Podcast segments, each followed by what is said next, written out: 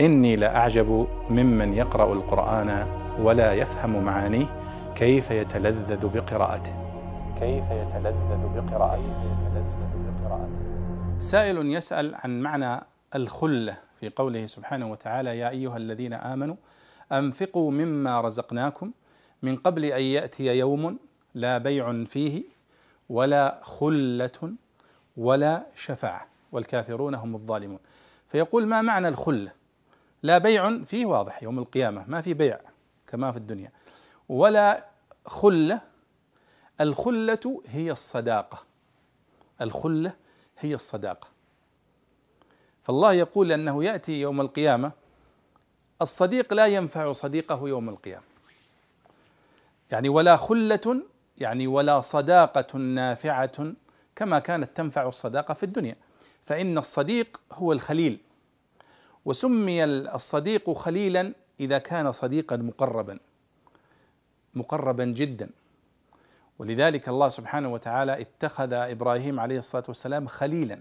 فمرتبة الخلة هي مرتبة هي أعلى تقريبا درجات أو مراتب الصداقة.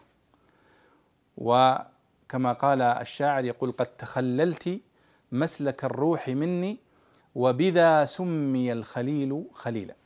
سمي الخليل خليلا لأن محبته قد تخللت الروح.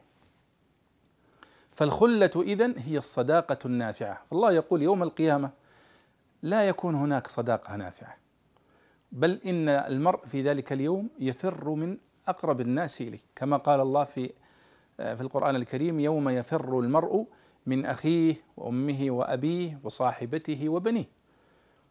فكذلك هو يفر من صديقه. ولذلك قال الله الأخلاء بعضهم يومئذ لبعض عدو إلا المتقين. فاذا الخلة هي الصداقة بل هي أعلى درجات الصداقة. والله يقول إنه أنفقوا من طيبات ما رزقناكم وأنفقوا مما رزقناكم في الدنيا من قبل أن يأتي يوم القيامة الذي لا يوجد فيه بيع كما في الدنيا. ولا يوجد فيه صداقة نافعة خلة ولا شفاعة يشفع أحد لأحد فيقبل منه إلا ما اختص الله به نبينا محمد صلى الله عليه وسلم أو ما اختص الله به نبينا محمد صلى الله عليه وسلم من الشفاعة العظمى يوم القيامة. فاذا الخلة هي الصداقة النافعة بل هي أعلى درجات الصداقة، فالله يقول يوم القيامة ما في صداقة ولا فيه خلة تنفع الإنسان ولذلك ينبغي على الإنسان أن يقدم ويعجل فيتصدق وينفق في الدنيا قبل أن يأتي يوم القيامة الذي لا يوجد فيه مجال للعمل وإنما هو يوم للحساب. نسأل الله أن يخفف علينا في ذلك اليوم جميعا. والله أعلم.